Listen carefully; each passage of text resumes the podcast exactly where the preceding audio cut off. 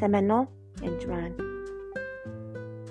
Та бүхэн тэгэхээр эргэлзээний талаар дахин хэлж өгье гэж бодсон юм. Зөвхөндөө итгэх талаар бас. Тэр Марк 11-ийн 22-ыг уншъя. Есүс тэдэнд хариулан Бурханд итгэх тун. Тэгээ бид залбирахтаа бид нар эхлээд Бурханд итгэх тун гэсэн. Гэх хүмүүс өөртөө итгэдэг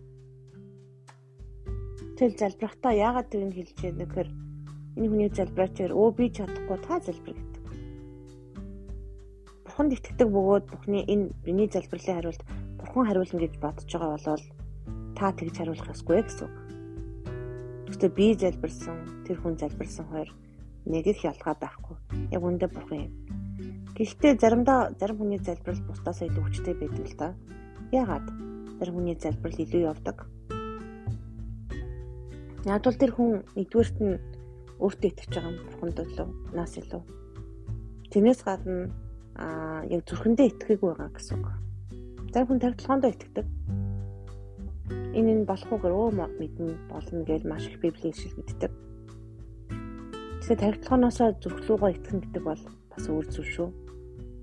Хүнд бие сэтгэл сүнс байдаг. Зүрхэндээ итгэх гэдэг бол яг үндэ сүнсэндээ итгэнэ гэсэн үг. Хэдийгээр сүнсэндээ итгэсэн боловч гэсэн бас заримдаа бидний залбирлын хариулт явахгүй, залбирал маань хариултаа авахгүй, залбирлаа явахгүй тохиолдол бас байдаг. Энэ нь үнэхээр гарцаагүй зарим тохиолдол байдаг. Ихэнх нь үл уучлалт ч юм уу амьдрал тохиолдсон асуудал тагтлаганд үүссэн травматайз буюу хүлээстэй холбоотой зочролтой холбоотойос байж болдог.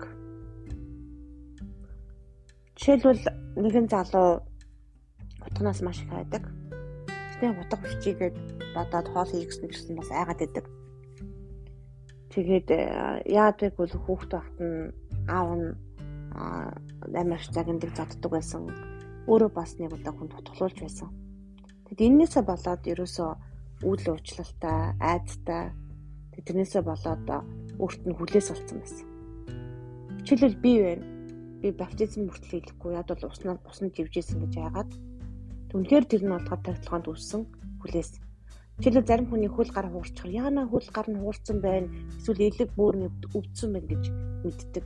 Гэт яг энэ тариутлаганд үүссэн сэтгэл санаанд үүссэн хүлээсүүдийг хүмүүс харахгүйгээс болоод байхгүй юм шиг чи хийгээч гэж хэлдэг. Жишээлбэл үнэхээр баптизм хийж чадахгүй байсан. Яг бол ус руу орохосоо өгтлээ яжсэн.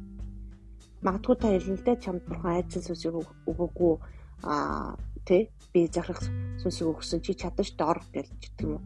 Тэгээ яг ийм тохиолдолд юм хатуу ширүүн байж болохгүй. Эцэн бурхан бол өөрөө хайр байгаа. Тийм учраас яг хэрэг тийм хүн байх юм бол та эхлээд энерги нэгүүлсээр тэр цочлоос нь гаргах ёстой гэсэн. Тэгэхгүй болвол тэр хүний одоо цаашдын залбирал, амьдрал бүх юмд нь бас нөлөөлөх болом нөлөөл нөлөөлдөг юу нөлөөлөх боломжтой биш нөлөөлдөг үзэгдэл хүртэл үзэхгүй жоохон бахтаа бас муус ус харж айснасаа болоод одоо бүр ерөөсөө үзэгдэл үзгээ болсон хүнийг хүртэл би мэднэ. Тэр янз янзын тохиолдлууд байгаа. Тийм учраас таны одоо яг энэ залбиралт болон сүнсний өсөлтөнд сатаа болж байгаа юмнуудыг бол сайн хичээн залбирахтаа одоо би итэг чи одоо инг гэж хатуу ширэн хэлхээсээ гадна бурхан бас нэгүүлсдэг бурхан гэдэг ерөөсөө мартаж болохгүй. Энэ хүн яагаад энийг хийж чадах байна гэдэг Миний хүүхд өөрөө энийг сайн байхыг хүсэхгүй байна гэдэг маань найз байнга гэж хэлдэг. Хүүхд нь үнэхээр тагтлагын гэмтэлтэй. Би хэлсэн хүүхд ч үнэхээр тахны гэмтэлтэй байна. Үнэхээр энийг компрехенд буюу ойлгож чадахгүй байна. Ямар нь сайн, ямар мууг ялгаж чадахгүй байна. Тэгээд сэтгцэн эмнэлгийн эмнэлэгт нэлийн олон жил хэвтэж байгаад гарч ирсэн хүүхд байгаа. Би одоо хаяа нэг каунс байдаг л дээ. Тэгээд надтай байхдаа зүг зүгээр байдаг. Бус хүнтэй ахт хэцүү байдаг.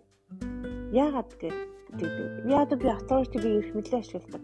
Bizээр тэр муу сүнс нь надад янз янзын хийх нь зөвшөөрдөггүй нэгдүгээрх нь. Хоёрдугаарт нь тэр хүүхд үнэхээр өөрөө тэр зарим шийдвэрийг гаргаж чадахгүй байгаа. Тэг гаргаж өгөхөөсраа байхгүй. Энэ хоолыг идэхгүй гэж хэлдэг. Идэх ёстой юм учраас идэх ёстой. За сууч ид. Тэгээ заримдаа тэгж хэлэх зарлага гардаг. Тэгэхээр яг юунаас болж байгаа гэдгийг сайн мэдэхгүйгээр бити их шүүгээрээ.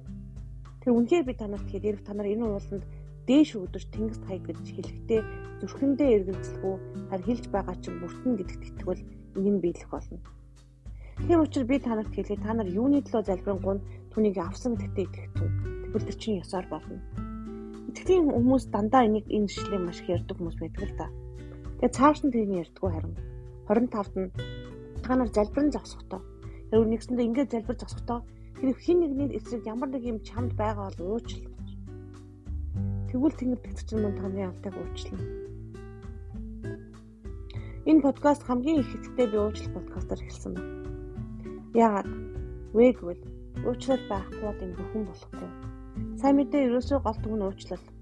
Бурхан биднийг Иесус Христосийн тусаар гинүглийг нь уучлсан, цэвэрсэн учраас бид эзний өмнө очих хэрэгтэй болж байна.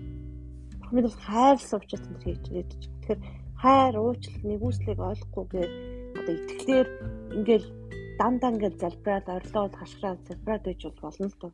Гэтэ нөгөө талын нууцыг мэдэхгүй үнэхээр уучлалыг мэдэхгүй бол зүрхэндээ тэр нөгөө уучлал хүлээсийг мэдэхгүй бол таны залбирал цаг явахгүй болж хүрнэ.